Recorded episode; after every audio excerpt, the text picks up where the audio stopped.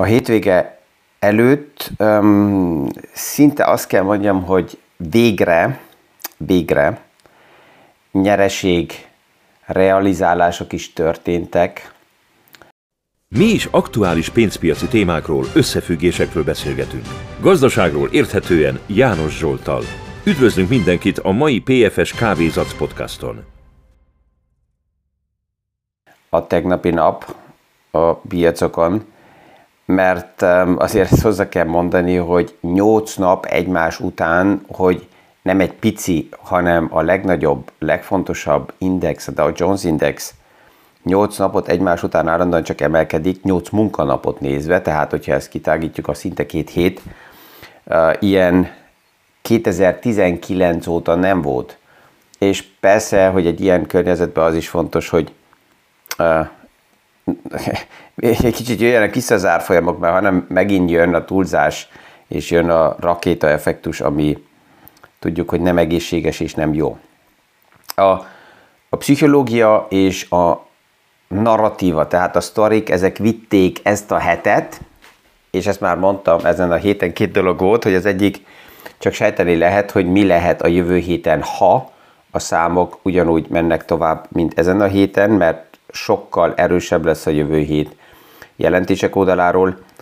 A másik, és az azt hiszem, hogy kedden volt egy podcast téma, hogy mikortól kezd elkezdeni a piac azzal a kérdéssel foglalkozni, hogy a csökkenő infláció a marzsokra mikor kezd kihatni. És ez nagyon gyorsan jöhet, ez nem kell hónapokat tartson, hanem azt látjuk, hogy a storyline az nagyon gyorsan tud fordulni.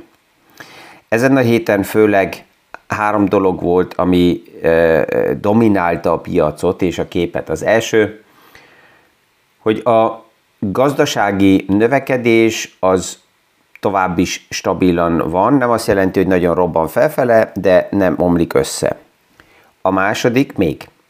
A második a csak további csökkenő infláció, és az, azok az országok, azok a regiók, ahol az infláció még magasabb, a legtöbb esetben ez strukturális, egyedi uh, helyzet, és az érdekes az, hogy azok az infláció számok, amit látunk, ezek akár Európán belül is ugye egyik országra a másikra azért érnek el, mert az infláció kiszámítása másképp van összeállítva, más téma, más paraméterek vannak hangsúlyozva, tehát hogyha ezt így megnézzük, akkor összességében az infláció mindenütt ugyanolyan szinten csökken, csak az, ami ki van mutatva, amivel másképp van összeállítva, ezért az embereknek a fejébe egy pár országban magasabb infláció van szugerálva.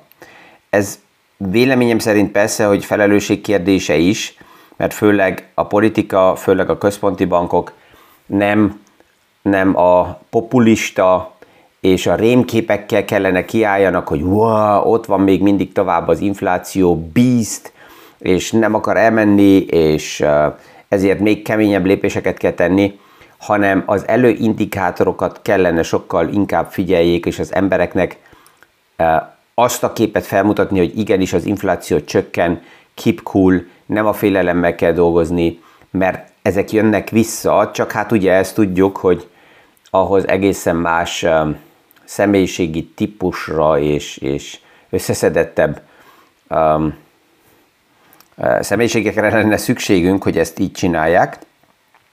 De, és a másik, hogy, hogy az infláció kifejezés az, az túl inflálva van használva.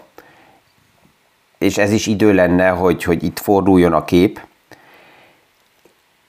Tehát ez csökken tovább is, és az is a narratívában benne van, hogy a jövő héten legalábbis az amerikai központi banknál az utolsó kamatlépést fogjuk látni. Ez most már a piaca tegnap estére 99,9%-kal beáraszta kvázi, hogy az 0,25% kamatemelés még egyszer meg lesz.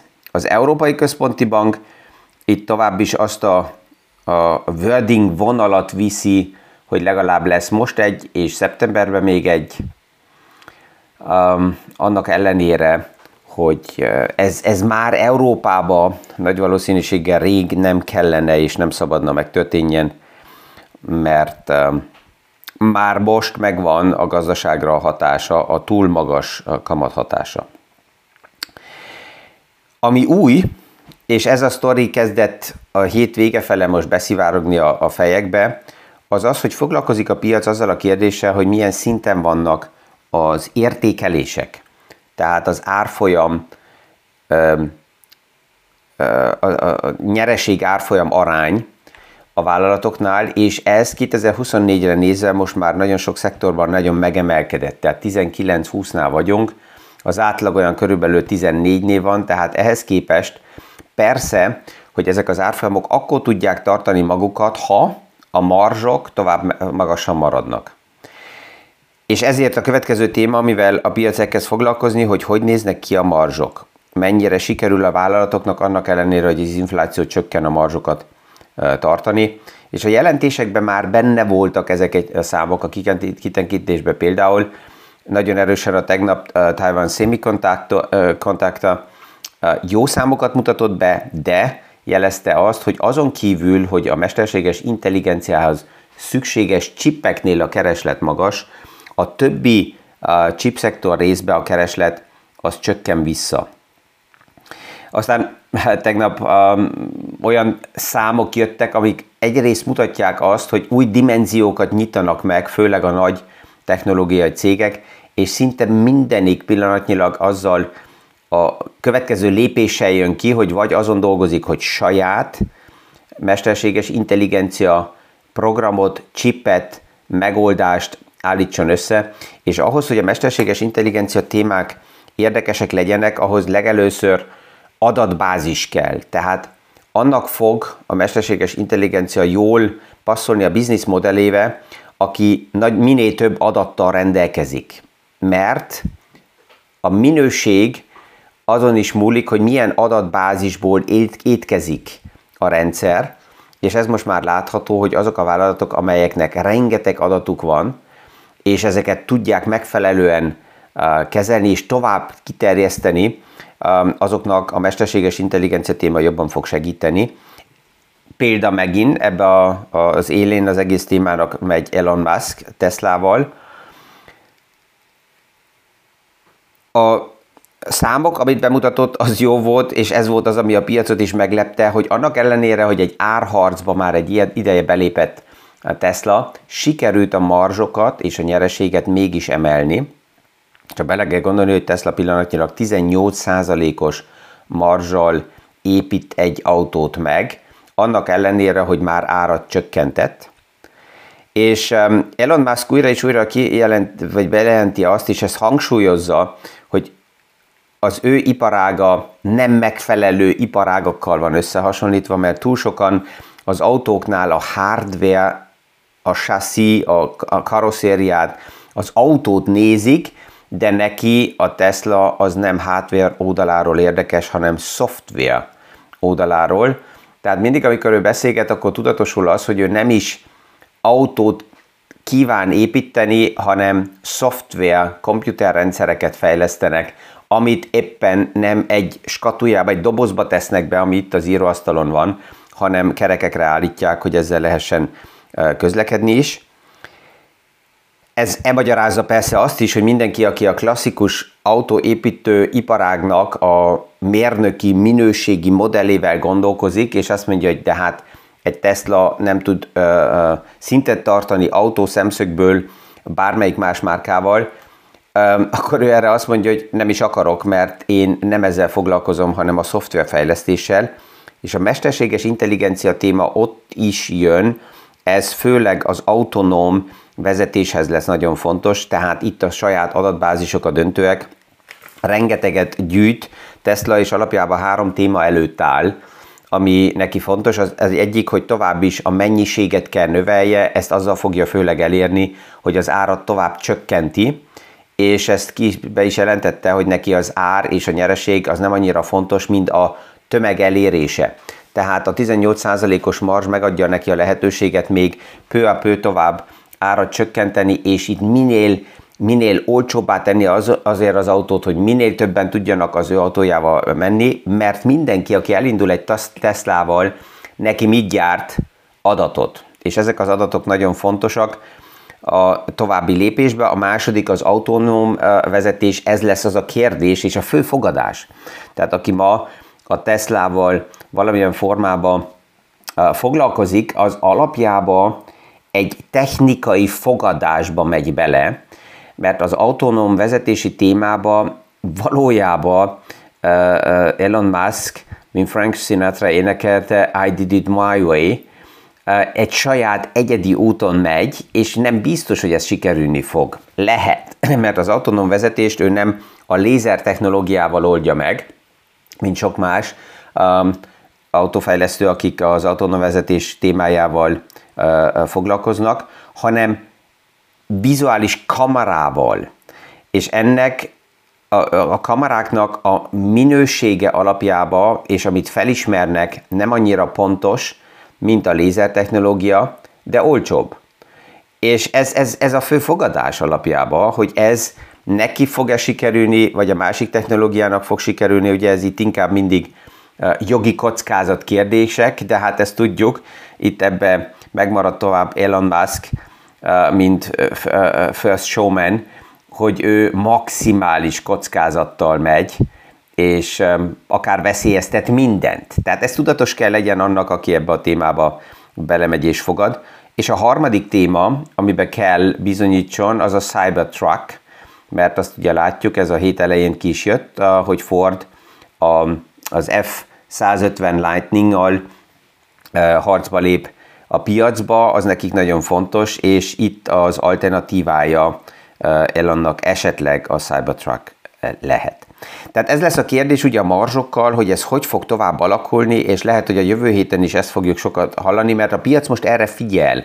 Tehát annak már örvend, hogy infláció csökken, oké, ezt kipipáltuk, ezt nem kell nagyon uh, folytatni, és ezért az infláció téma remélhetőleg a médiából is el fog tűnni, és ez az inflálás a kifejezésnél ez nem történik annyira erősen meg, mert ez a legveszélyesebb, hogy ebből jön ez az úgynevezett self-fulfilling prophecy, ami odahajtja az embereket, hogy mivel túl sokat foglalkoznak egy témával, ezért a témának az ereje is erősödik. És itt ehhez pont passzol, hogyha megnézzük, hogy most hogy vannak a jelentések, az a kérdés, ami ugye többször jött, és a tegnap is már jeleztem, hogy, hogy kézbe veszem, hogy akkor, akkor most mi jobb? A részvényt kézbe venni, vagy, vagy, vagy kötvényt? Csak nézzük meg a részvényeket, tehát hogyha a számok nagyon jók, amit a Tesla és a Netflix is bemutatott, a kitlátások is alapjában pozitívak, és a tegnap kaptam egy jelzést, hogy de hát akkor miért esnek az árfolyamok akár 6-7-8-10 százalékkal egy jelentés után? Hát azért ne felejtsük el, hogy honnan jönnek ezek a számok, csak egy Tesla az idén plusz a csúcsba 130 százalék fölött volt, csak az idén, és egy Netflix is körülbelül 60 százalék plusznál csak az idén, tehát hogy ott uh, vannak kilélegzések a piacban, ez normális. Azt is kell mondjam, hogy szinte szükséges, vagy végre ez megtörténik. Egy, egy kötvénynél ez persze, ez az árfolyam mozgás nem történik meg, és vannak különböző összeállított statisztikák, amik azt mutatják, hogy hosszú távra nézve teljesen mindegy, hogy kötvény vagy részvényt vásárolok meg, mert kvázi ugyanoda fejlődnek, és uh, ilyen kötvényindexek vagy részvényindexek, ami össze van egymással hasonlítva, és a kettő kvázi hosszú távra nézve párhuzamosan mozog. Ez valójában így van, és erről többször is beszélgettünk, hogy amikor a kötvények fejlődése és a részvények fejlődése szétnyílik egymástól, akkor előbb-utóbb ezek újra visszakerülnek. Tehát ez a, ez a gap, ez a delta ez árul. A kérdés csak az, hogy melyik fog, melyik irányba korrigálni. Az, amelyik lemaradt, erősödik, vagy a másik visszakorrigál. És ha egy vállalatnak is a kötvényét megvesszük, akkor egy tiszta kell legyen, a vállalat ki kell termelje A, azt a, a, a kötvénynek a kamatját, és vissza is kell fizesse azt a pénzt. Tehát persze, hogy összefüggésben van egy kötvénynek a visszafizetés kérdése és a vállalatnak a, a fejlődése, sőt még az is meg tud történni, hogy kamat magasabb, mint az osztalék egy évbe. Tehát aki egy kötvényt tart, az több kamatot kap, mint akik részvényt tartanak, nem kapnak akár osztalékot. Ennek a logikája nagyon egyszerű, a kamat kifizetés az osztalék megállapítása, vagy a nyeresség megállapítása előtt történik meg a vállalatnál, és ebből is látjuk azt, hogy ezt a kettőt így összehasonlítani eh, nagyon nehéz, mert két különböző fajról beszélgetünk. A, az ilyen hosszú távon összeállított eh, csártok is, hogy kötvény, eh, indexek és részvényindexek vannak egymás mellett összeállítva, ez már azért nem helyes, mert egy kötvény az nem egy végtelen open-end befektetés, egy részvény, az egy időtől független eh, befektetés. Tehát ha ma megvásárolok egy kötvényt, akkor tudom, hogy emögött van fix futamidő és fix előre ígért kamat. Mi a kockázat? Általában az, hogy a végén képes-e a törlesztést kifizetni azt, aki a, a, a kölcsönt felvett, tehát akinek a kötvényét megvásároltam. És ezt sokszor látjuk, hogy vállalatok nem a kötvény futam ideje alatt kerülnek általában problémába, mert a kamatot kifizetni azt még lehet. A probléma és a csőd veszélye általában akkor jelenik meg, amikor törleszteni kellene. És vagy nem tud átfinancírozni, vagy nincs meg a szükséges likviditás, vagy már megvan a, az üzleti modellnek a problémája, csak a csődbejelentés esetleg el volt valamilyen formába odázva.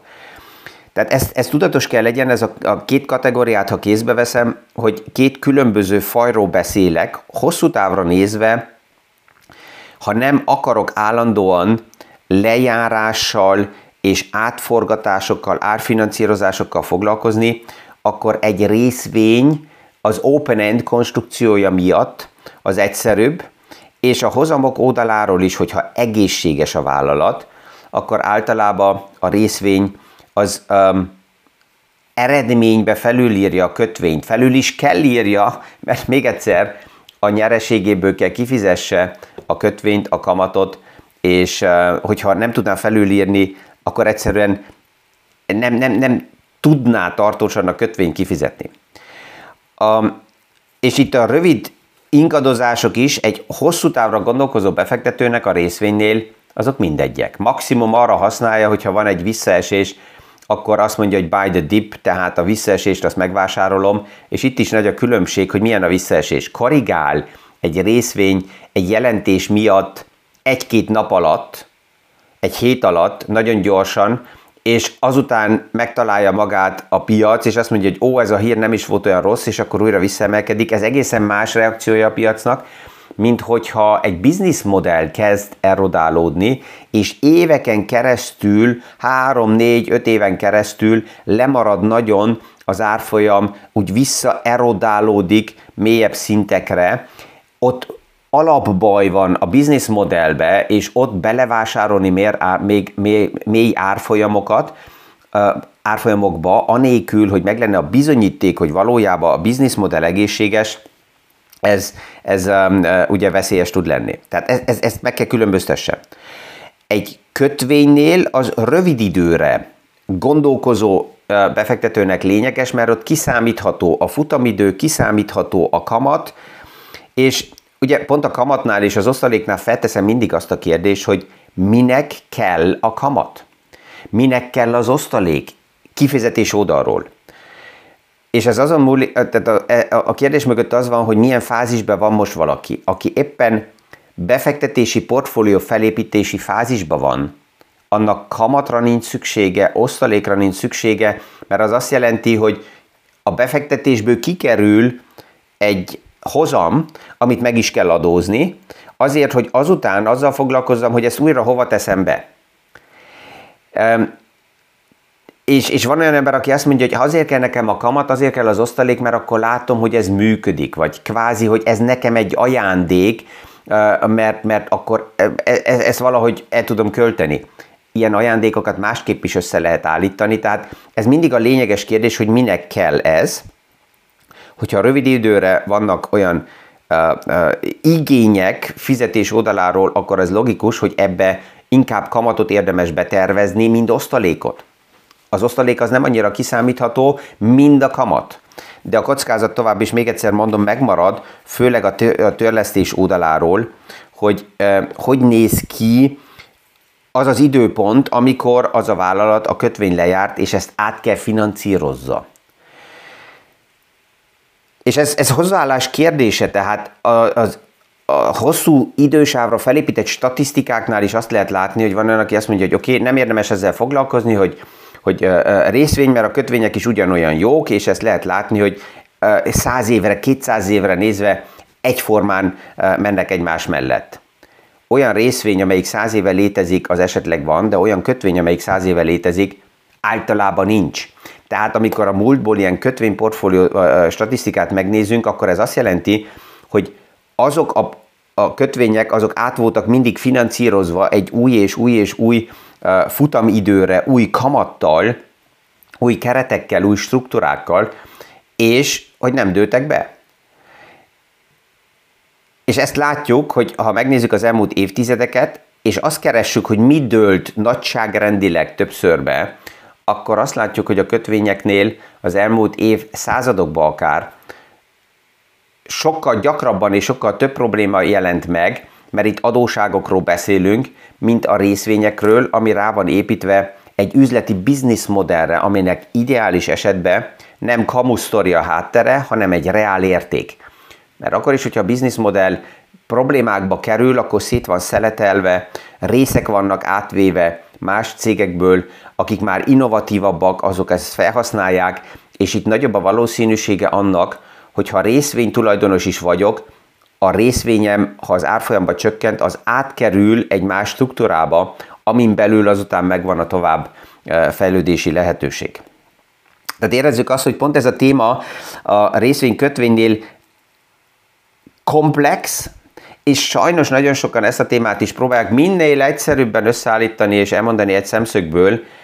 Um, nem, ennyi, nem ennyire egyszerű a válasz, és az, hogy milyen arányba 30, 70, 40, 60, 10, 90, hogy milyen arányban van a kettő összeállítva egymás mellett, és melyik nagyobb, melyik kisebb.